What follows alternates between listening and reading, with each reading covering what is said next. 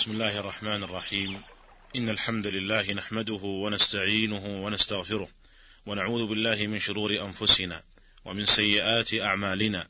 من يهده الله فلا مضل له ومن يضلل فلا هادي له. وأشهد أن لا إله إلا الله وحده لا شريك له. وأشهد أن محمدا عبده ورسوله صلى الله عليه وعلى آله وصحبه وسلم تسليما كثيرا. أيها الإخوة المستمعون السلام عليكم ورحمة الله وبركاته. نبدأ معكم في هذه الحلقة الحديث عن شروط صحة الصلاة. ومعرفة شروط صحة الصلاة أمر في غاية الأهمية، إذ أن تخلف شرط واحد من شروطها يجعل الصلاة غير صحيحة، وغير مبرئة للذمة أمام الله عز وجل.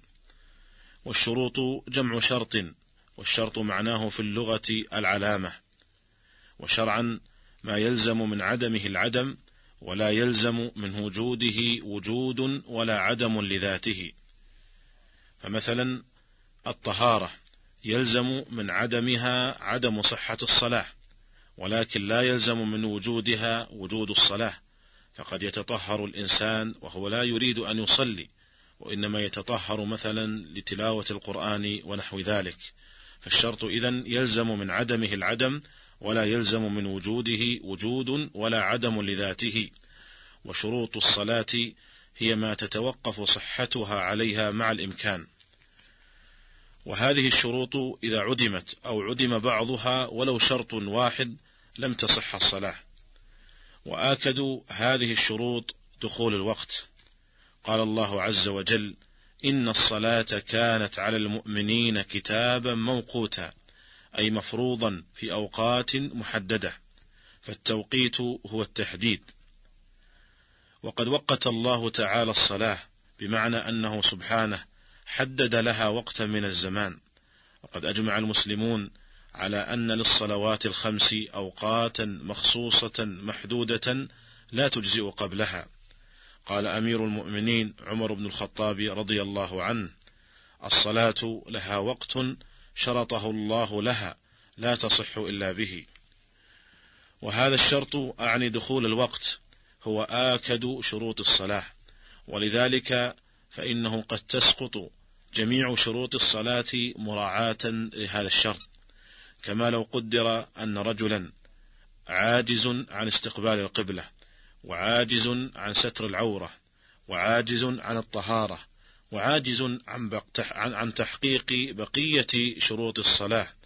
فنقول له يجب عليك أن تصلي الصلاة في وقتها ويجوز لك أن تجمع بين الظهر والعصر وبين المغرب والعشاء إذا كان يلحقك بترك الجمع مشقة.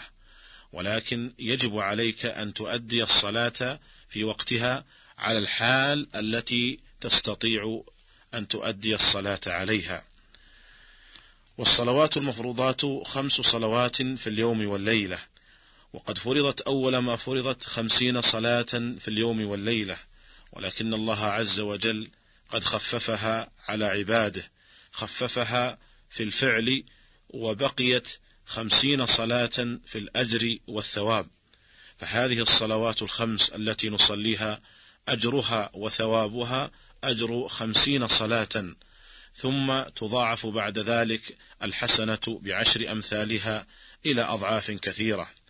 وهذه الصلوات الخمس المفروضة في اليوم والليلة لكل صلاة منها وقت مناسب اختاره الله تعالى لها يتناسب مع أحوال العباد بحيث يؤدون هذه الصلوات في هذه الأوقات ولا تحبسهم عن أعمالهم الأخرى بل تعينهم عليها وتكفر عنهم خطاياهم التي يصيبونها. وقد شبهها النبي صلى الله عليه وسلم بالنهر الجاري الذي يغتسل منه الإنسان خمس مرات فلا يبقى من درنه شيء. وتوقيت الشارع لهذه الأوقات توقيت الشارع للصلوات بهذه الأوقات دليل على أنه ينبغي التقيد بأداء الصلاة في هذا الوقت. فلا تؤدى قبله ولا بعده. أما أداء الصلاة قبل وقتها فإن ذلك يجعلها غير صحيحة بإجماع العلماء ولو كان ذلك بوقت يسير. وأما أداؤها بعد وقتها من غير عذر فعند طائفة من أهل العلم أنها لا تصح ولا تقبل. فمن أخر صلاة الفجر إلى ما بعد طلوع الشمس لا تصح ولا تقبل عند طائفة من أهل العلم وعند جمهور أهل العلم تصح مع الإثم. وقد قال الله عز وجل فويل للمصلين الذين هم عن صلاتهم ساهون وقد فسر ذلك بأن المقصود به تأخير الصلاة عن وقتها. فتوعد الله عز وجل الذين يؤخرون الصلاة عن وقتها بالويل فويل للمصلين الذين هم عن صلاتهم ساهون قال أبو قتادة العدوي قرئ علينا كتاب عمر بن الخطاب رضي الله عنه من الكبائر الجمع بين الصلاتين يعني بغير عذر. قال الحافظ ابن كثير إذا كان هذا الوعيد في من جمع الصلاة بدون سبب شرعي فما ظنك بمن يترك الصلاة بالكلية؟ فما ظنك بمن يترك الصلاة بالكلية؟ وهذه المواقيت لهذه الصلوات الخمس نبتدئ أولا بصلاة الظهر فنقول إن وقتها يبتدئ بزوال الشمس أي ميلها إلى جهة المغرب عن خط المسامتة وهو الدلوك المذكور في قول الله عز وجل أقم الصلاة لدلوك الشمس أي لزوالها. ويعرف الزوال بحدوث الظل في جانب المشرق بعد انعدامه من جانب المغرب. وقد ينعدم الظل وقد لا ينعدم. وإنما يتقاصر إلى أقل ما يمكن أن يصل إليه. وذلك أن الشمس إذا طلعت من جهة المشرق يكون لكل شاخص يكون له ظل جهة المغرب. ثم لا يزال هذا الظل يتقاصر ويتجه إلى جهة الشمال بالنسبة لسكان آه، نصف الكرة الأرضية الشمالي. فإذا وصل إلى جهة الشمال ووصل إلى أقصر ما يمكن أن يصل إليه فإن هذا الوقت هو منتصف النهار. فإذا زالت الشمس بعد ذلك إلى جهة الشرق وبدأ هذا الظل بالزيادة بعد تناهي قصره فإن هذا هو زوال الشمس الذي يبتدئ به وقت صلاة الظهر. ويحسب هذا الوقت فلكيا بمنتصف النهار. وذلك بقسمة الزمن ما بين شروق الشمس وغروبها قسمته على اثنين فيخرج منتصف النهار. ولكن لا بد من أن يضاف لمنتصف النهار لا بد من أن يضاف له وقت يتحقق معه زوال الشمس. وقد قدر الحطاب في كتابه مواهب الجليل قدر هذه الزيادة بدرجة أي بنحو دقيقتين. ومن أهل العلم من قدر ذلك بنحو ثلاث دقائق فتكون الزيادة ما بين دقيقتين إلى ثلاث دقائق بعد منتصف النهار. وعامة الحسابات الفلكية تحسب وقت صلاة الظهر بمنتصف النهار ولهذا ينبغي أن يضاف لذلك ما يتحقق به زوال الشمس على ما ذكره الحطاب وبعض أهل العلم من إضافة دقيقتين إلى ثلاث دقائق لمنتصف النهار ليتحقق بذلك زوال الشمس.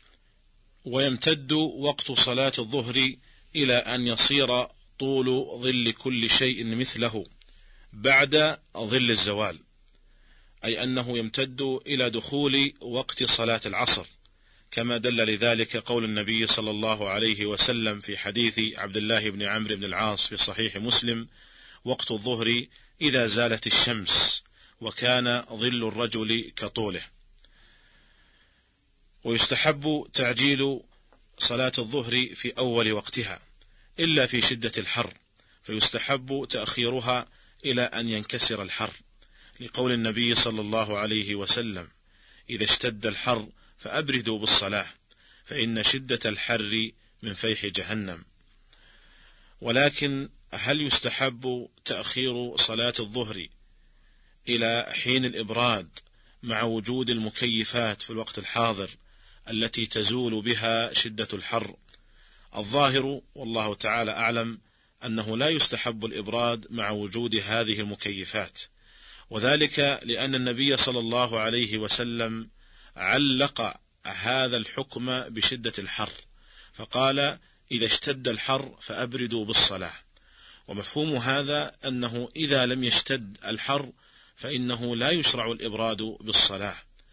ومعلوم أن المكيفات تنكسر بها شدة الحر فلا يتحقق اشتداد الحر المذكور في هذا الحديث.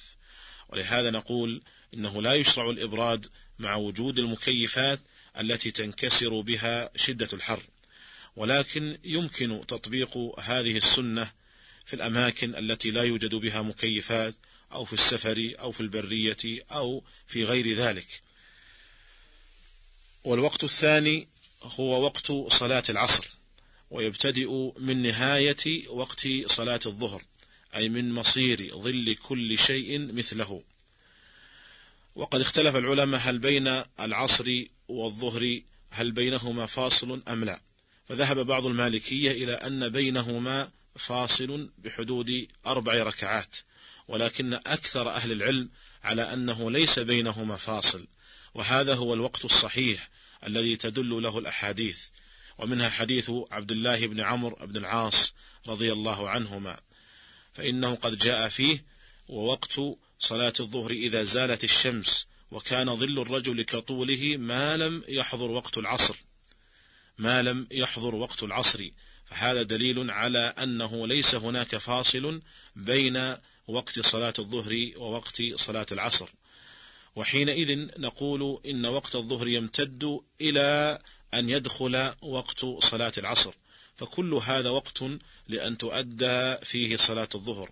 فلو افترضنا مثلا أن وقت صلاة الظهر أن وقت صلاة العصر يؤذن له مثلا في الساعة الثالثة والربع. فمعنى ذلك أن وقت صلاة الظهر يمتد إلى هذا الوقت. فلو أن رجلا أدى الصلاة في الساعة الثالثة مثلا فإنه يكون قد أدى صلاة الظهر في وقتها. فإذا يمتد وقت صلاة الظهر إلى دخول وقت صلاة العصر. وأما نهاية وقت صلاة العصر ووقت صلاة المغرب والعشاء ووقت صلاة الفجر فسوف يكون الحديث عنه إن شاء الله تعالى في الحلقة القادمة. والسلام عليكم ورحمة الله وبركاته.